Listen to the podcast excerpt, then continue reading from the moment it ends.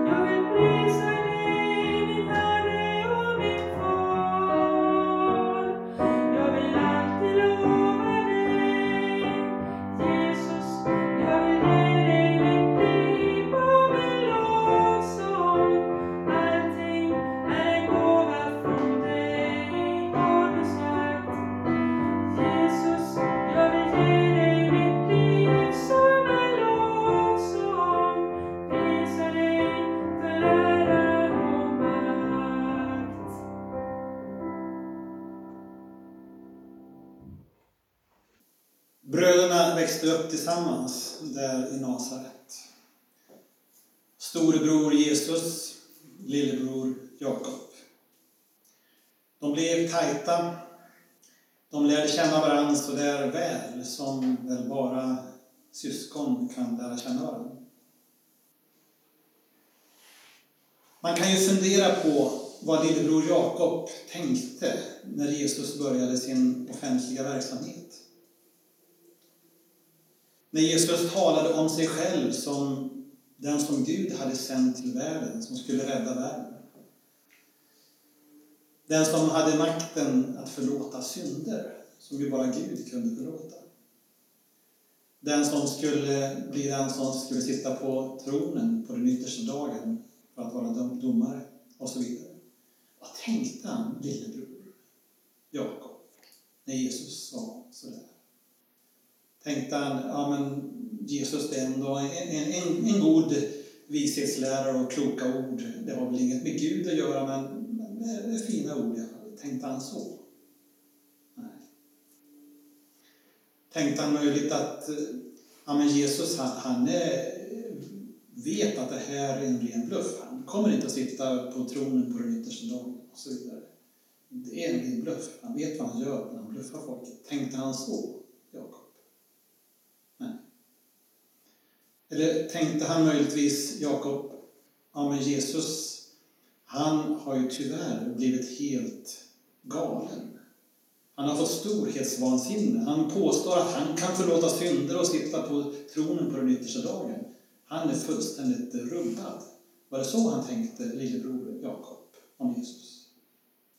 Nej. Och då återstår det, märkligt nog, bara ett enda alternativ tänka om Jesus. Och det är det alternativet då som lillebror Jakob väljer. Nämligen att Jesus faktiskt är den han säger sig vara. Att han faktiskt är Guds son, den som Gud har sänt till den här världen för att rädda världen och så vidare. Jakob blev ju en av de viktigaste ledarna i den första kristna församlingen. I Apostlagärningarna omtalas han som eh, Jakob, Herrens broder, alltså Jesus lillebror. Ehm, och för mig så är detta ett så starkt vittnesbörd att den som kände Jesus kanske bäst av alla människor visste, var övertygad om att det är sant det han säger. Det är på riktigt. Jesus är faktiskt det han säger sig vara. Denne Jakob var så övertygad om att Jesus faktiskt var den han sa, så att han till och med var beredd att ge sitt eget liv för den sakens skull. Traditionen säger att denne Jakob blev eh, dödad, led martyrdöden under stening år 62 efter Kristus. Som väl är så finns det ju också ett brev bevarat från denne lillebror Jesus, Jakob, i Nya Testamentet. Och då infinner sig ju den intressanta frågan. Vad säger lillebrorsan, den tvättäkta brodern till Jesus? Vad säger han för någonting i sitt brev? Vad har han för ett budskap som han vill föra fram? Vi ska lyssna på ett exempel då som är den här söndagens brevtext ifrån Jakobsbrevet 1, 22-25. Där skriver denne Jakob så här. Bli ordets görare och inte bara dess hörare. Annars tar ni miste. Den som hör ordet men inte gör vad det säger, han liknar en man som ser i en spegel och betraktar sitt eget ansikte. Han ser sig själv, men går därifrån och har strax glömt hur han såg ut. Men den som har blickat in i den fullkomliga lagen, frihetens lag, och håller sig till den och inte glömmer vad han hört, utan eh, verkligen gör något, han blir salig genom det han gör. Jakobsbrevet är laddat med socialt engagemang. Ett värnande av allas lika värde. En utmaning till tjänst för den fattige och den svage. Jakobsbrevet är en sån, en sån där text som oroar och som utmanar till handling. Ett annat exempel, ett kapitel senare här, Jakob 2, 8-9. Om ni uppfyller lagens kungsbud, det som enligt skriften lyder du ska älska din nästa som dig själv, då gör ni rätt. Men om ni gör skillnad på människor begår ni synd och lagen stämplar er som överträdare. Sannerligen ett ord för vår tid, tänker jag. Men om ni gör skillnad på människor begår ni synd. Vad fick han allt ifrån denne Jakob? Ja, det kan man fundera över. Svaret är givet från storebrorsan. Jesus var ju en mästare i detta med att förena ord och handling. Det han talade om, det var också det han sen gjorde. Det var oupplösligt förenat med hans ord och handling. Två sidor av samma sak, som ett papper. Ord och handling. Det gick liksom inte att dela på det. Jesus var både och. Oupplösligt förenat. Ett exempel då från Jesus berättar. Det första han säger, sin predikan i Nasaret, Lukas 4. Herrens ande är över mig, ty han har smort mig till att förkunna ett glädjebud för de fattiga. Han har sänt mig till att förkunna befrielse för de fångna, syn för de blinda, att ge de förtryckta frihet och förkunna ett nådens år från Herren. Ord som Jesus sa och levde. Punkt efter punkt ser vi i berättelserna hur han faktiskt lever precis som han lär. Ord och handling var ett. Allt sedan dess, genom historiens gång, så har människor över hela världen och genom tiderna satts igång av dessa ord. Jesusorden, Jakobsorden, inspirerat till att stå upp till försvar för fattiga och förtryckta. Att i ord och handling värna, värna om drabbade medmänniskor. Några historiska exempel. Runt år 1800 William Wilberforce i England som stod upp i kampen mot slaveriet och var en drivande kraft och en avgörande kraft för att få stoppa den tidens människohandel över Atlanten. Hundra år senare, William Booth, Frälsningsarmén, slummen London. Hur man hur brinner med ett glödande engagemang för de fattiga och de utslagna för att göra någonting för att rädda dem. Nästan hundra år ytterligare senare, Desmond Tutus engagemang mot apartheid och för försoning i Sydafrika och så vidare. och så vidare. Exempellistan kunde göras så oändligt lång. Och vi kan säkert allesammans tänka på människor i vår tid, kanske i vår närhet, som har inspirerats och drivits av de här orden, Jesusorden och Jakobs ord i hans brev, för att göra skillnad i drabbade människors liv. Men kan man fråga sig, måste man orka? Måste man klara? Måste man verkligen detta? Svar, nej. Men vi får. Vi inbjuds till någonting fantastiskt. Att få vara med och betyda någonting för en annan människa. Ingen av oss kan göra allt. Alla kan göra något.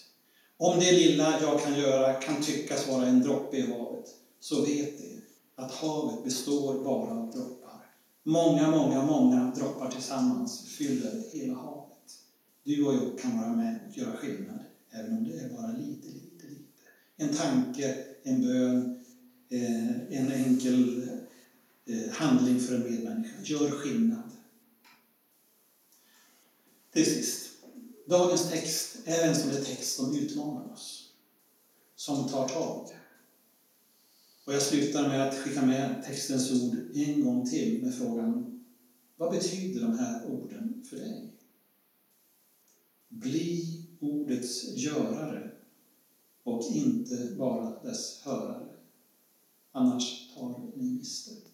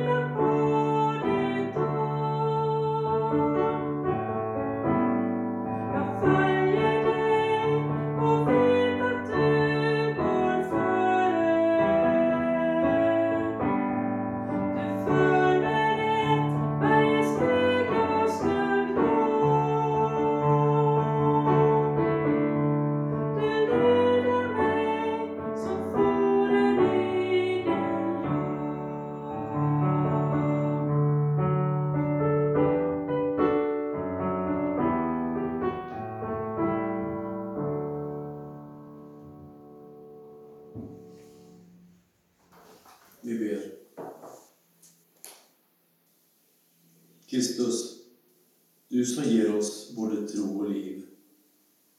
Tack för att vi kan komma till dig så här, om och om igen.